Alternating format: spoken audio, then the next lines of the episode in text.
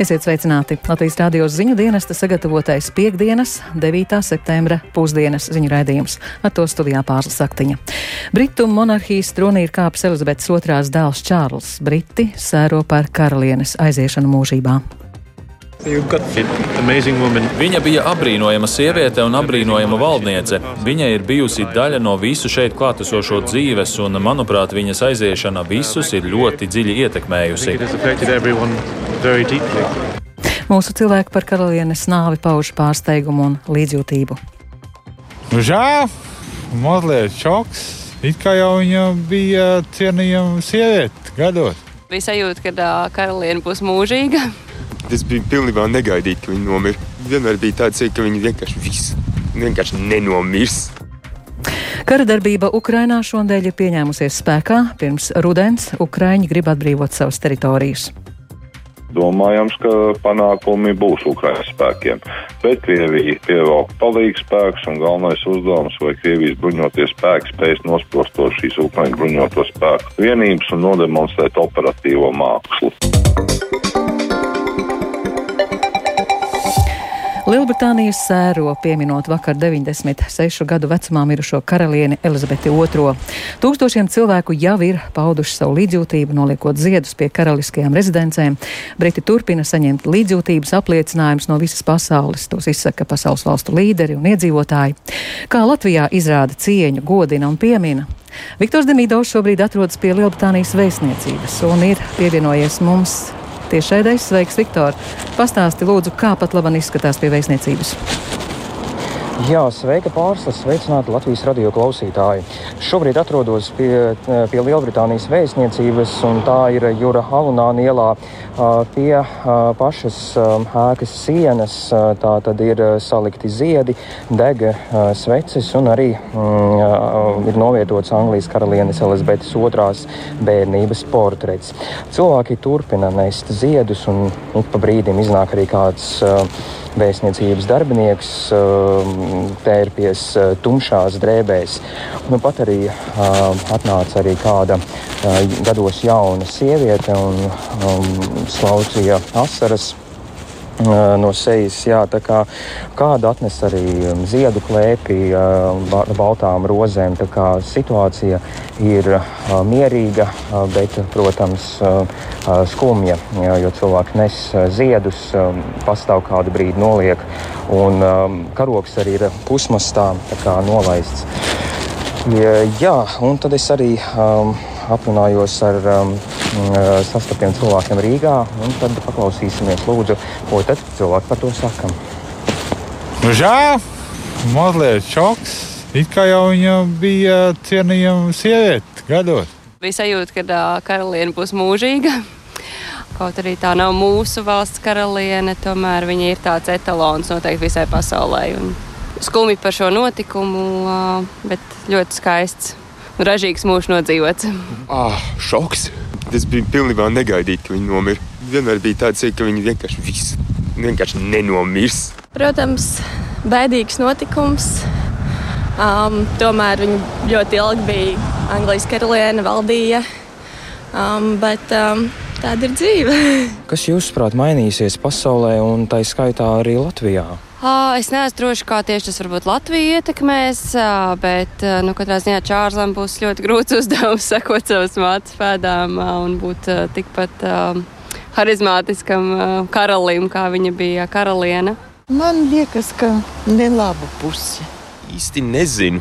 Ne, nu, protams, ka viņas tēls pārņems visus procesus, nu, diplomātiskos.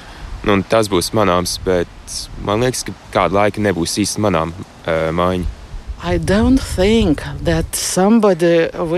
Es nedomāju, ka kaut kas ļoti mainīsies. Es tam neticu. Grūti par to spriest. Es neinteresējos par politiku tik ļoti. Ja godīgi, tad tas ir slikti.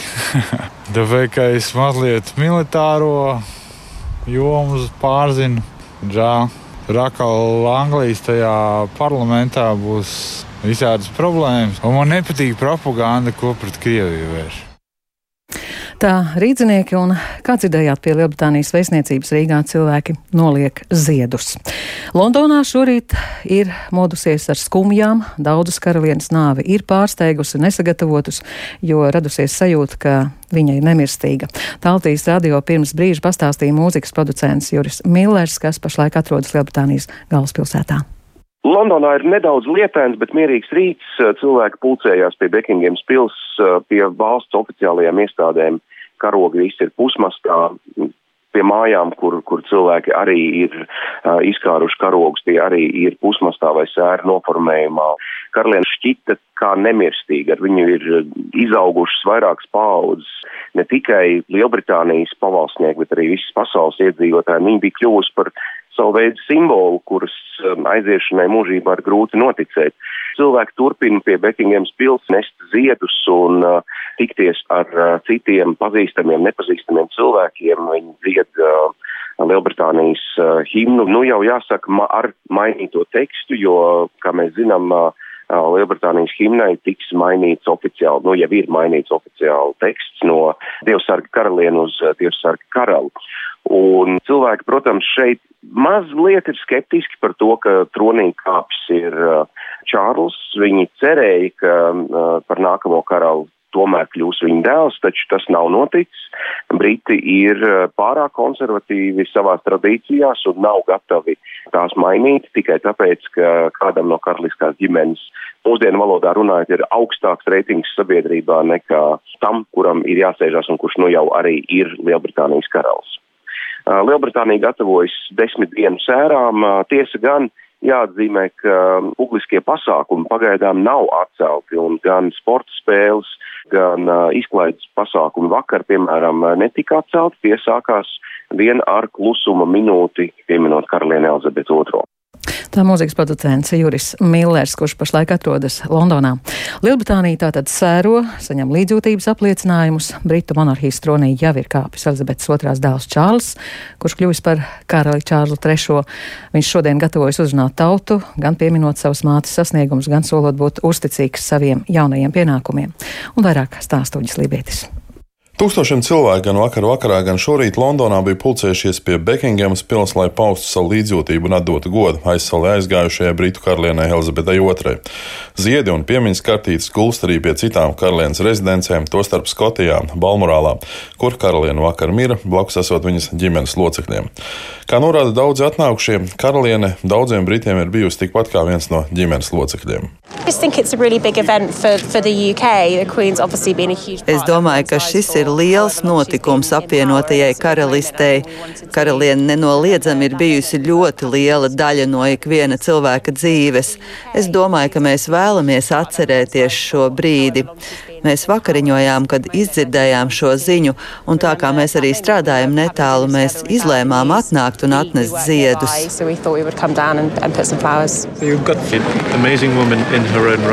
Viņa bija apbrīnojama sieviete un apbrīnojama valdniece. Viņa ir bijusi daļa no visu šeit klātesošo dzīves, un, manuprāt, viņas aiziešana visus ir ļoti dziļi ietekmējusi.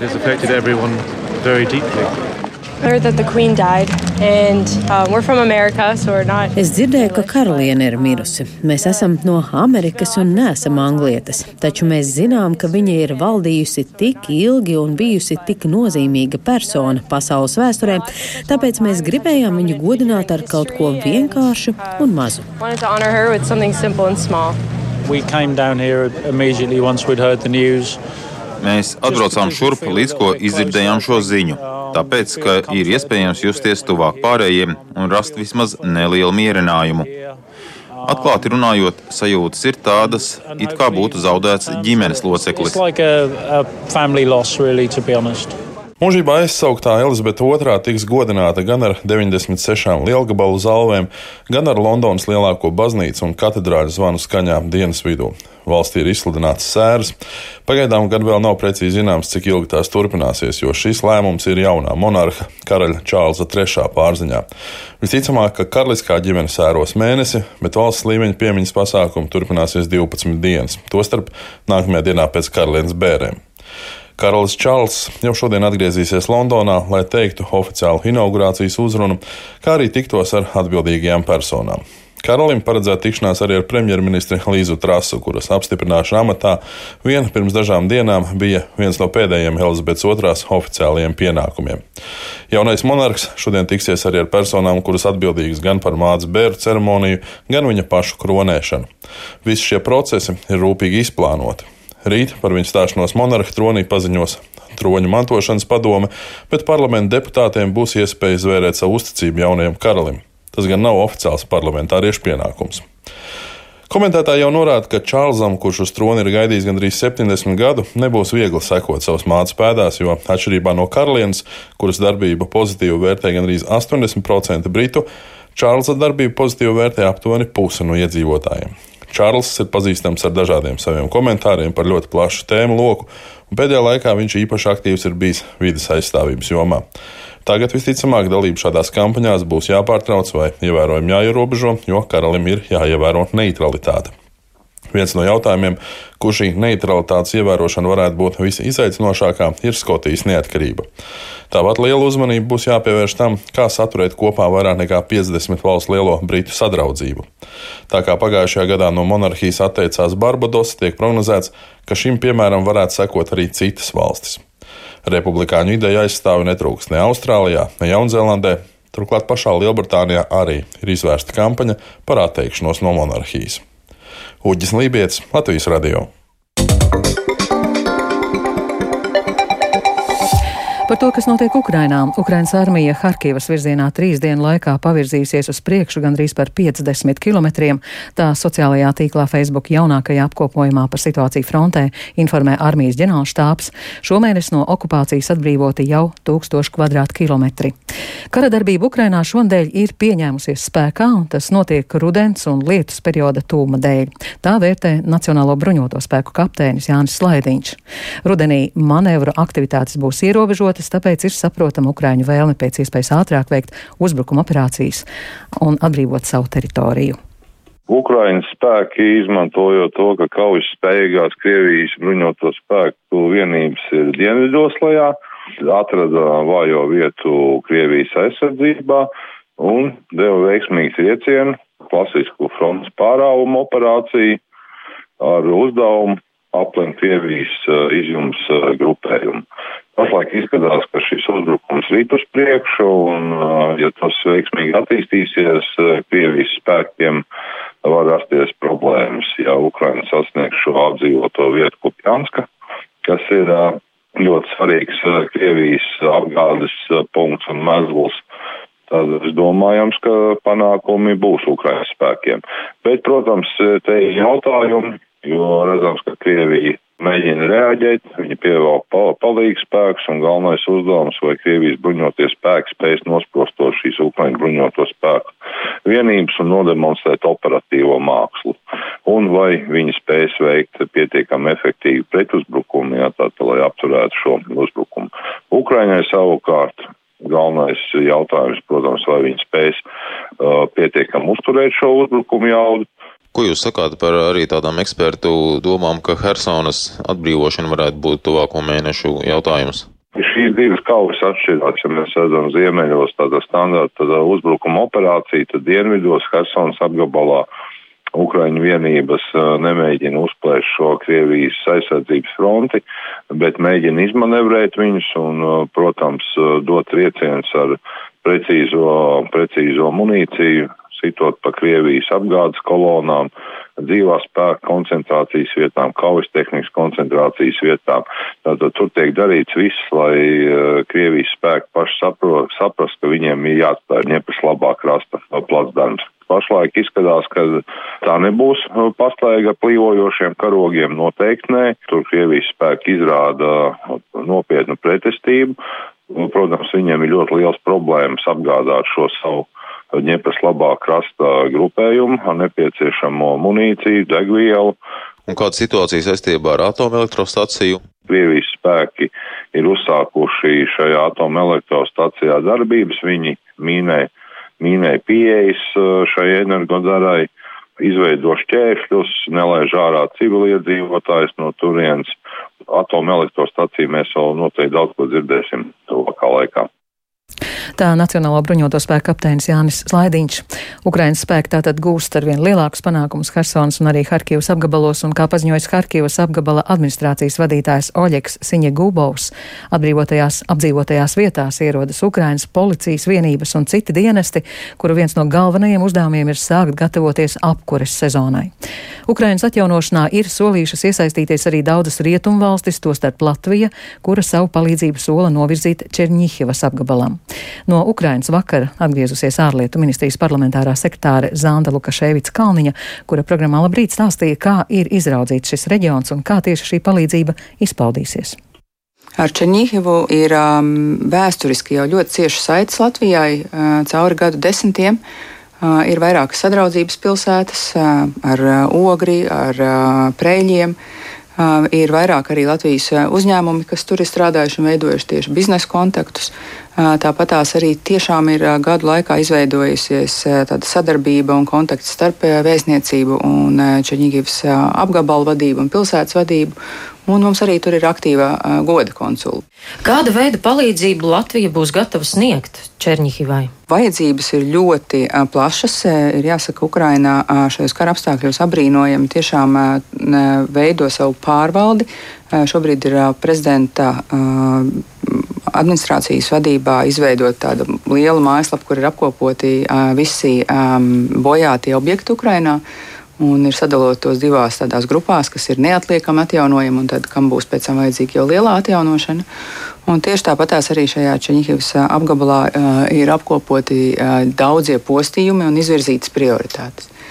Uh, un, uh, tas, kam mums lūdzu īpaši pievērst uzmanību, ir šobrīd gatavojoties ziemai, palīdzēt iekārtot mājokļus ziemas apstākļiem piemērotā veidā, jo ir daudz cilvēki, kas dzīvo tiešām tādās pagaidu mājvietās vai kur ir logu vietā kāda plēve, kas neapšaubām nebūs piemērota. Tātad primāri šī palīdzība būs ēku atjaunošana, rekonstrukcija. Pirmā brīdī, jā, bet tā ir tāda tiešām ļoti pamat darīšana. Un tas, kas ir iespējams šogad tika piešķirts 1,2 miljoni palīdzības sniegšanai Ukrainai jau tikko pašā kara sākumā, kur ir no tā ir jau vairāki projekti īstenoti, ir psiholoģiskā palīdzība, ir arī humanā palīdzība sūtīta. Šie miljoni ir no Latvijas budžeta? Tas ir bijis jā, no Latvijas budžeta, kur mēs šobrīd ļoti rūpīgi saskaitām katru centu, kāds ir atlikums pēc konkrētā izlietojuma. Tur ir aptuveni 159 tūkstoši šogad atlikuši. Tas varētu būt tas, kas varētu tikt investēts tūdaļ. Un tad šajā jaunajā ministra kabineta lēmumā ir iezīmēts, ka nākamā gada no valsts budžeta tiktu piešķirti 5 miljoni. Plus mēs reiķinamies, ka arī būs lieli Eiropas Savienības atbalsta tādi finansējums. Un, attiecīgi, mēs šo savus 5 miljonus varētu izmantot tieši vairāk kā tādu līdzfinansējumu un iespēju piesaistīt uh, mūsu vadītām aktivitātēm uh, šos lielo Eiropas Savienības vai starptautisko finansējumu. Tā ārlietu ministrijas parlamentārā sekretāra Zanda Lukaševica Kalniņa no jaunās vienotības ar viņu runāja Daira Zīle.